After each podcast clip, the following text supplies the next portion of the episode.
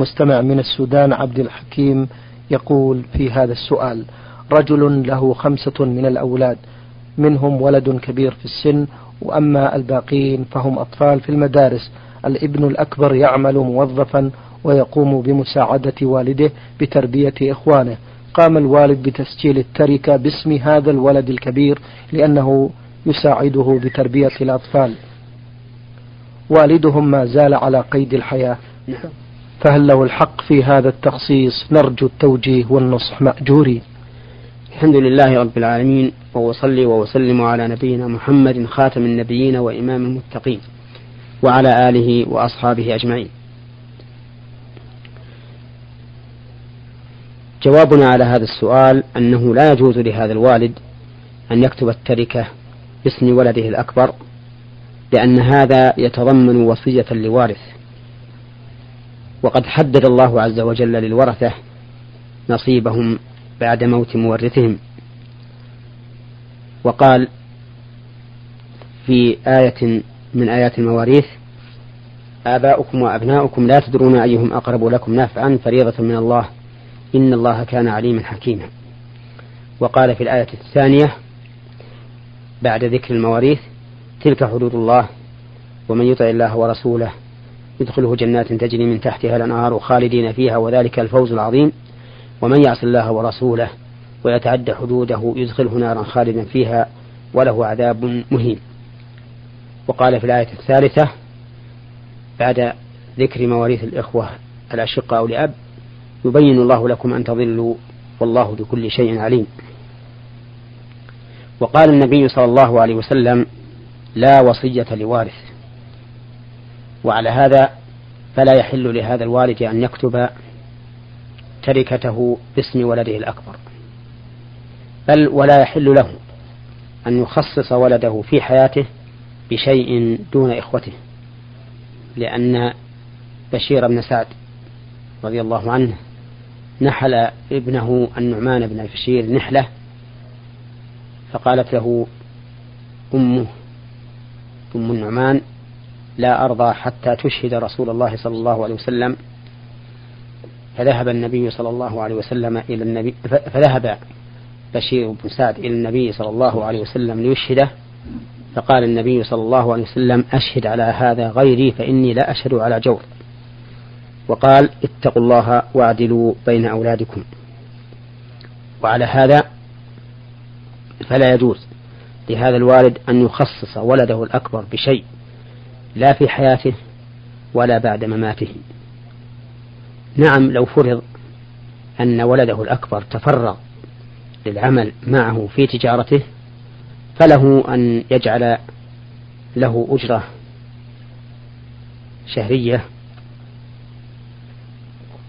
على حسب أجرة المثل وله أن يشركه معه في الربح فيعطيه نصف الربح أو ثلث الربح أو ما أشبه ذلك مما جرت العادة بمثله أما بالنسبة لهذا الابن الأكبر الذي أعان والده بتربية إخوانه فإن له أجرا عند الله عز وجل أجرا من وجهين من جهة البر بوالده ومن جهة صلة الرحم الرحم لإخوانه. وهذا خير من الدنيا وما فيها. وإنني بهذه المناسبة أود أن أشير إلى مسألة نبهت عليها من هذا المنبر كثيرا وهي أن بعض الناس يكون له أولاد صغار وكبار. فيبلغ الأولاد الكبار سن الزواج فيزوجهم الأب. ثم يكتب وصية للأولاد الصغار الذين لم يبلغوا سن الزواج في حياته فيكتب لهم وصية بقدر المهر الذي أعطاه المتزوج لكل واحد. وهذا لا يجوز. وذلك لأن الزواج من جملة الإنفاق. فيعطى كل واحد من الأولاد ما يحتاجه وإذا كان هؤلاء الأولاد الصغار لم يحتاجوا ذلك في حياة والدهم فإنه لا يحل له أن يوصي لهم بشيء. فإن فعل فقد أوصى لوارث وقد قال النبي عليه الصلاة والسلام لا وصية لوارث بارك الله فيكم. المستمع من السودان أيضا يقول هناك البعض من المسلمين في صلاة العشاء بعد انتهائهم من صلاة الفريضة يقوم واحد منهم يقول اللهم أنت السلام ومنك السلام تباركت يا ذا الجلال والإكرام. ثم يقوم الجميع قبل التسبيح ويأتوا بالسنة والوتر بعد ذلك. يبدأ واحد منهم بالتسبيح وهم يرددون وراءه. هل هذا العمل صحيح أم أنه بدعة؟ نعم هذا هذا عمل مبتدع منكرة لم يكن عليها رسول الله صلى الله عليه وسلم ولا أصحابه. وإنما المشروع أن يسبح كل إنسان بنفسه. فيقول بعد السلام أستغفر الله ثلاثا اللهم أنت السلام ومنك السلام تباركت يا ذا الجلال والإكرام. ويذكر الله تعالى ثلاثا يقول لا إله إلا الله وحده لا شريك له له الملك وله الحمد وهو على كل شيء قدير. إلا في صلاتي المغرب والفجر فإنه يذكر الله عشر مرات. لا إله إلا الله وحده لا شريك له له الملك وله الحمد. يحيي ويميت وهو على كل شيء قدير. ويذكر الأذكار الواردة في هذا. وهي على أربعة أوجه. فالوجه الأول أن يقول سبحان الله والحمد لله والله أكبر ثلاثا وثلاثين فتلك تسعة وتسعون. ويقول تمام المئة لا إله إلا الله وحده لا شريك له له الملك وله الحمد وهو على كل شيء قدير. الوجه الثاني أن يقول سبحان الله سبحان الله سبحان الله حتى يكمل ثلاث وثلاثين. ثم يقول الحمد لله الحمد لله حتى يكمل ثلاث وثلاثين. ثم يقول الله أكبر الله أكبر أربعا وثلاثين فيكون الجميع مئة. الوجه الثالث أن يقول سبحان الله سبحان الله عشر مرات. الحمد لله الحمد لله عشر مرات. الله أكبر الله أكبر عشر مرات. فالجميع ثلاثون. الوجه الرابع أن يقول سبحان الله والحمد لله ولا إله إلا الله والله أكبر. خمس وعشرون مرة فيكون الجميع مئة. فتارة أقول هذا وتارة أقول هذا. ثم بعد هذا يصلي الراتبة إن أحب أن يصليها في المسجد وإن أحب أن يصليها في البيت فهو أفضل. لقول النبي صلى الله عليه وسلم أفضل صلاة المرء في بيته إلا المكتوبة. حتى وإن كان في المسجد الحرام أو المسجد النبوي فإن الأفضل أن يصلي الراتبة في بيته. لأن النبي صلى الله عليه وسلم كان يصلي الرواتب في بيته ولا يصليها في مسجده مع أن الصلاة في مسجده خير من ألف صلاة فيما عداه إلا المسجد الحرام. بل يقول لأصحابه أفضل صلاة المرء في بيته إلا المكتوبة. يكلمهم في ذلك وعندهم المسجد النبوي. وهو دليل على أن صلاة النافلة في البيت أفضل حتى وإن كنت في المسجد الحرام أو في المسجد النبوي. لما في الصلاة في البيت من المصالح الكثيرة فمنها أي من الفضائل الكثيرة في الصلاة في البيت أن الإنسان يتبع الأفضل دون ما يهواه. واتباع الإنسان ما هو أفضل مع دعاء نفسه إلى خلافه أعظم أجرا. فكثير من الناس يهوى ويرغب أن يصلي في المسجد الحرام حتى الرواتب وحتى النوافل أو أن يصلي في المسجد النبوي حتى الرواتب والنوافل. تدعوه نفسه إلى ذلك دعاء حثيثا. فإذا ترك هذا إلى ما هو أفضل كان له في ذلك أجر. ثانيا أن في الصلاة في البيت صلاة النوافل اقتداء اقتداء برسول الله صلى الله عليه وسلم. ثالثا أن في الصلاة في البيت خير للبيت. لا لأن العبادة في المكان يكون فيها تأثير في هذا المكان. ولهذا قال النبي عليه الصلاة والسلام لا تجعلوا بيوتكم قبورا. أي لا تخلوها من الصلاة كما تخلى القبور من الصلاة. رابعا أن العائلة والأولاد الصغار إذا رأوك تصلي ألفوا الصلاة وأحبوها وفهموها وعلموها. وفيها أيضا فضائل أخرى لا تحضرني الآن لكن المهم أن الصلاة في البيت أفضل من الصلاة في المسجد في النوافل فقط إلا إذا دل الدليل على أن النافلة في المسجد أفضل فليتبع الدليل. كالقيام في رمضان مثلا فإن صلاتها في المساجد أفضل لأن هذا هو هدي السلف الصالح بل لأن هذا هو الذي جاءت به سنة الرسول عليه الصلاة والسلام. فإن النبي صلى الله عليه وسلم صلى بأصحابه في المسجد جماعة ثلاث ليال في رمضان ثم تركها خوفا من أن تفرض على الناس. المهم أن الصلاة في البيت أفضل. أعد السؤال. يقول هناك البعض من المسلمين في صلاة العشاء بعد انتهائهم من صلاة الفريضة يقوم واحد منهم بقول نعم. بقول بقوله اللهم أنت السلام ومنك السلام تباركت يا ذا الجلال والإكرام ثم يقوم الجميع قبل التسبيح ويأتوا بالسنة والوتر ثم يقوم بعد ذلك واحد منهم بالتسبيح وهم يرددون وراءه ذلك. هل هذا صحيح؟ نعم. آه، بينته في أول الجواب أنه بدعة نعم. منكرة وأن السنة أن يسبح كل إنسان بنفسه دون أن يكون بصوت جماعي. وقلت إن الأفضل في الراتبة أن تكون في البيت لأن أفضل صلاة المرء في بيته إلا المكتوبة. وكذلك أيضا اجتماع آه، كونهم يصلون الراتبة قبل أن يسبحوا هذا أيضا ليس بصواب. طيب طيب. لأن التسبيح تبع لصلاة, لصلاة الفريضة. فلا فلا ينبغي أن يفصل بينه وبين الفريضة بنافلة. نعم. بارك الله فيكم. هذه المستمعة وفاء من تعز اليمن تقول ماذا يفعل المؤمن إذا كان قلبه لا يخشع عند ذكر الله أو في الصلاة؟ إذا كان القلب لا يخشع عند ذكر الله أو في الصلاة فهو دليل على أن القلب فيه مرض.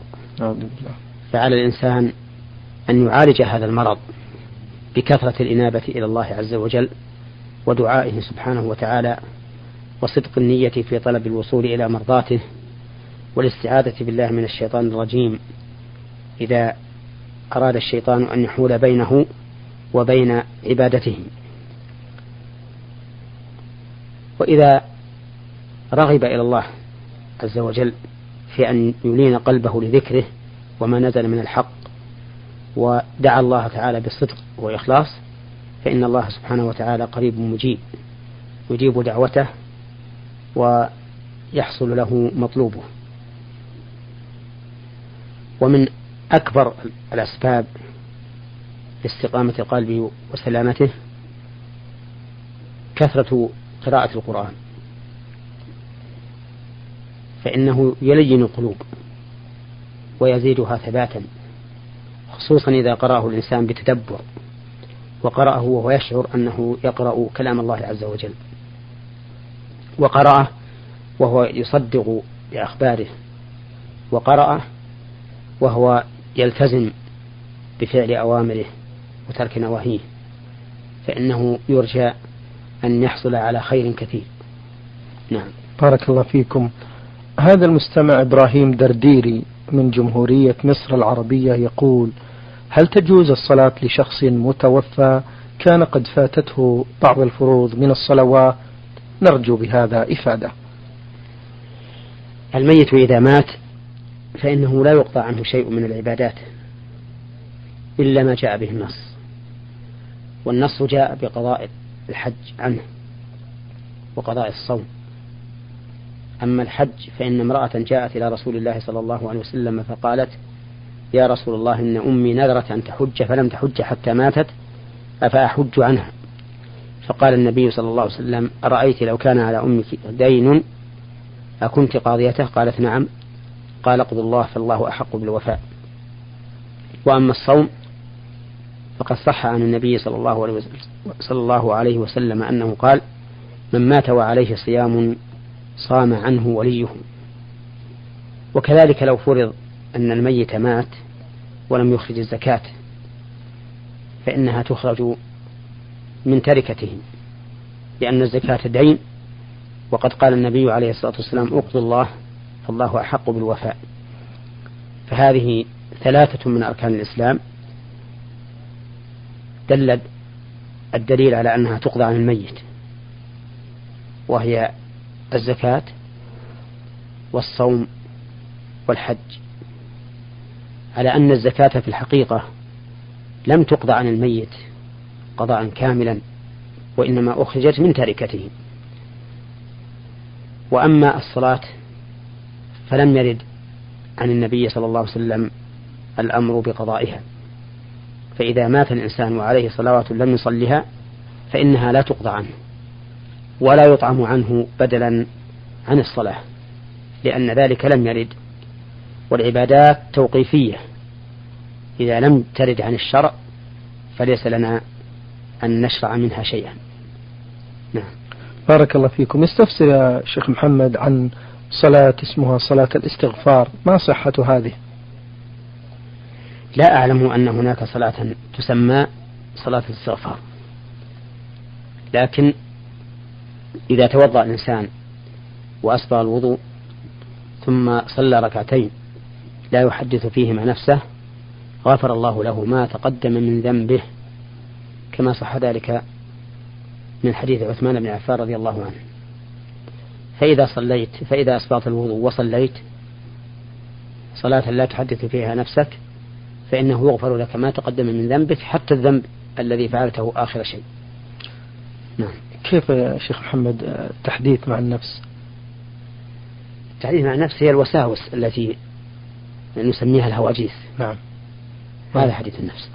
نعم. بارك الله فيكم. المستمع فخاشين من الدمام بعث بمجموعة من الأسئلة يقول في السؤال الأول فضيلة الشيخ إذا انتهى المأموم من الصلاة في التشهد الأول والإمام لم ينتهي بعد فهل يكمل فهل يكمل باقي التشهد أم يصمت؟ أم يدعو ببعض الأدعية في هذه الفترة؟ أفيدونا أفادكم الله. بقي عليه قسم رابع. نعم. نقول إذا انتهى المأموم من التشهد الأول قبل أن يقوم الإمام. فأمامه أربعة أشياء. إما أن يعيد التشهد مرة أخرى وإما أن يكمله وإما أن يسكت وإما أن يدعو بأديات يختارها. وأقرب شيء أن يكمل التشهد ولا حرج عليه. فإن كثيرا من أهل العلم يرون أن التشهد الأول يشرع فيه أن يصلي على النبي صلى الله عليه وسلم. الصلاة التي علمها رسول الله صلى الله عليه وسلم أصحابه. وهي اللهم صل على محمد وعلى آل محمد كما صليت على إبراهيم وعلى آل إبراهيم. إنك حميد مجيد. اللهم بارك على محمد وعلى آل محمد كما باركت على إبراهيم وعلى آل إبراهيم إنك حميد مجيد. وهذا خير من السكوت أو الدعاء بأدعية لم ترد بها السنة وأحسن من تكرار التشهد الأول. وقولي خير من من من الأدعية التي لم ترد بها السنة ليس مقتضاه أن الإنسان لا يدعو في صلاته إلا بدعاء جاءت به السنة. بل الإنسان يدعو في صلاته بما شاء لكن يحافظ أولا على على الأدعية الواردة ثم يدعو بما شاء. والدعاء لله عز وجل عبادة حتى وإن دعوت بأمر يتعلق في الدنيا. ولهذا أقول الدعاء لله تعالى عبادة حتى وإن دعوت بأمر يتعلق بالدنيا. ولهذا جاء في الحديث الدعاء هو العبادة. قال الله تعالى وقال ربكم ادعوني أستجب لكم إن الذين يستكبرون عن عبادتي سيدخلون جهنم داخرين. وقول بعض الفقهاء إن الإنسان لا يدعو في صلاته بأمر من أمور الدنيا قول ضعيف. والصواب أنه يجوز أن تدعو في صلاتك بما شئت ما لم تدعو بإثم أو قطيعة رحم. فإذا دعوت بشيء يتعلق بالدنيا فلا حرج عليك كما لو دعوت بشيء يتعلق بالآخرة. نعم. طيب طيب. المستمع آه، فخاشين من الدمام يقول من عادتي والحمد لله آه، بأنني لا أنام حتى أوتر وفي ليلة نمت ولم أوتر نسيانا مني وتذكرت ذلك في اليوم الثاني هل أصلي وتر تلك الليلة بعد أن تذكرت؟ نعم. آه، إذا نسيت الوتر ولم تذكره إلا في النهار فصله. لقول النبي صلى الله عليه وسلم من نام عن صلاة أو نسيها فليصليها إذا ذكرها. ولكن لا تصليها وترا لأن الوتر إنما شرع لتختم به صلاة الليل وصلاة الليل انتهت بطلوع الفجر وإنما تصليها شفعا. فإذا كان من عادتك أن توتر بثلاث ونسيت ولم تذكر إلا في ضحى اليوم الثاني فصل أربع ركعات. وإذا كان من عادتك أن توتر بخمس فصل ستا. وإذا كان من عادتك أن توتر بسبع فصل ثمانيا. وإذا كان من عادتك أن توتر بتسع فصل عشرا. وإذا كان من عادتك أن توتر بإحدى عشرة فصل اثنتي عشرة. ولهذا كان النبي صلى الله عليه وسلم إذا غلبه نوم أو وجع صلى من النهار ثنتي عشرة ركعة. نعم. وما معنى الحديث لا وتران في ليلة؟ معناه أنه لا يشرع للإنسان أن يوتر مرتين في الليلة الواحدة لأن الوتر إنما يقصد به ختم الصلاة بالوتر وإذا ختمت بوتر فلا وجه للإتار مرة ثانية. طيب طيب. هل يصح أن تصلي المرأة إذا طهرت قبل إتمام الأربعين يوما بعد الوضع؟ قبل إتمام الأربعين يوما بعد بعد الوضع. وهل يجوز آه، للزوج أن يعاشرها أفيدونا مأجورين؟ نعم. إذا طهرت المرأة النفساء قبل تمام الأربعين فإن حكمها حكم الطاهرات من كل وجه. فيجب عليها أن تصلي ويجب عليها أن تصوم إن كانت في إن كان ذلك في رمضان. ويصح منها الصوم ويجوز لزوجها أن يجامعها ولو قبل تمام الأربعين. لأنه إذا جازت الصلاة فالجماع من باب أولى. وكراهة بعض أهل العلم لذلك ليس عليها دليل. والأصل أن النفاس أذى كالحيض. فإذا زال هذا الأذى وطهرت منه المرأة حل لزوجها أن يجامعها كما لو طهرت من الحيض. طيب. ولهذا لو كانت المرأة من عادتها أن تحيض سبعة أيام فطهرت لخمسة أيام فإنه يجب عليها أن تصلي وأن تصوم إن كانت في رمضان ولزوجها أن يجامعها. وإن كانت أيام عادتها سبعة أيام وقد طهرت قبل العادة بيومين. نعم. آه هذا مستمع للبرنامج آه من إربل من إربد العراق. يقول يا جيم عين من العراق. يقول في هذا السؤال هل قراءة سورة الفاتحة في التعزية آه جائزة؟ نعم. قراءة سورة الفاتحة في التعزية بدعة. لا أصل لها. وليعلم أن التعزية معناها التقوية أي تقوية المصاب على الصبر. فإذا أصيب الإنسان بمصيبة بموت قريب أو صديق أو فقد مال أو غير ذلك من المصائب ورأيته متأثرا فإنه ينبغي لك أن تعزيه أي أن تقويه على تحمل الصبر على هذه المصيبة بما يناسب المقام. وليس للتعزية ألفاظ مخصوصة ولكن يكون هذا على حسب المقام. ومن أحسن ما يعزى به ما جاء عن رسول الله صلى الله عليه وسلم حيث أرسل إلى إحدى بناته فقال مرها فلتصبر ولتحتسب فإن لله ما أخذ وله ما أبقى وكل شيء عنده بأجل مسمى. وذلك أن بعض بناته كان عندها طفل أو طفلة فأرسلت إلى رسول الله صلى الله عليه وسلم رسولا تطلب منه أن يحضر. فقال النبي عليه الصلاة والسلام للرسول الذي جاء إليه مرها فلتصبر ولتحتسب فإن لله ما أخذ وله ما أبقى وكل شيء عنده بأجل مسمى. وأما التزام صيغة معينة وهي قول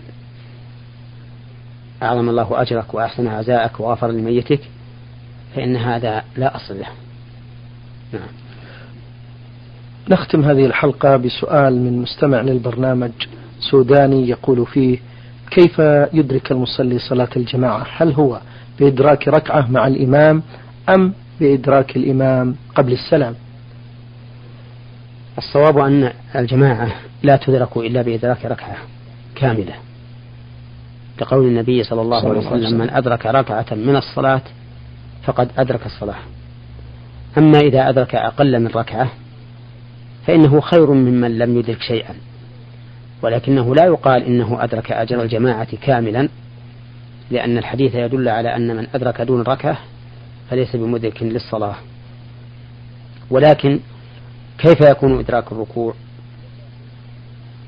بل كيف يكون إدراك الركعة؟ نقول يكون إدراك الركعة إذا أدرك الإمام في ركوعه أي إذا دخلت وكبرت تكبيرة الإحرام قائما ثم ركعت وأدركت الإمام قبل أن يرفع من الركوع فقد أدركت الركعة. نعم. وهنا أقف لأنبه على هذه المسألة. فإن بعض الناس إذا جاء والإمام راكع أسرع ثم كبر وهو يهوي إلى الركوع. فيكبر تكبيرة الإحرام وهو منحني غير قائم. وهذا لا يصح. بل لا بد أن تكبر تكبيرة الإحرام وأنت قائم. كما أن بعض الناس ربما ينوي بهذه التكبيرة تكبيرة الركوع ويذهل عن تكبيرة الإحرام. وإذا نوى بذلك تكبيرة الركوع وهو ذاهل عن تكبيرة الإحرام فإن صلاته لا تنعقد لأن الصلاة لا تنعقد إلا بتكبيرة الإحرام. إذا يجب علينا أن ننتبه لأمرين. الأمر الأول أن ننوي بالتكبير تكبيرة الإحرام. الأمر الثاني أن نكبر ونحن قائمون معتدلون. ثم بعد ذلك نهوي إلى الركوع وإذا كبرنا في هذا الهوي فهو خير وإن لم نكبر فلا حرج. بارك الله فيكم فضيلة الشيخ وعظم الله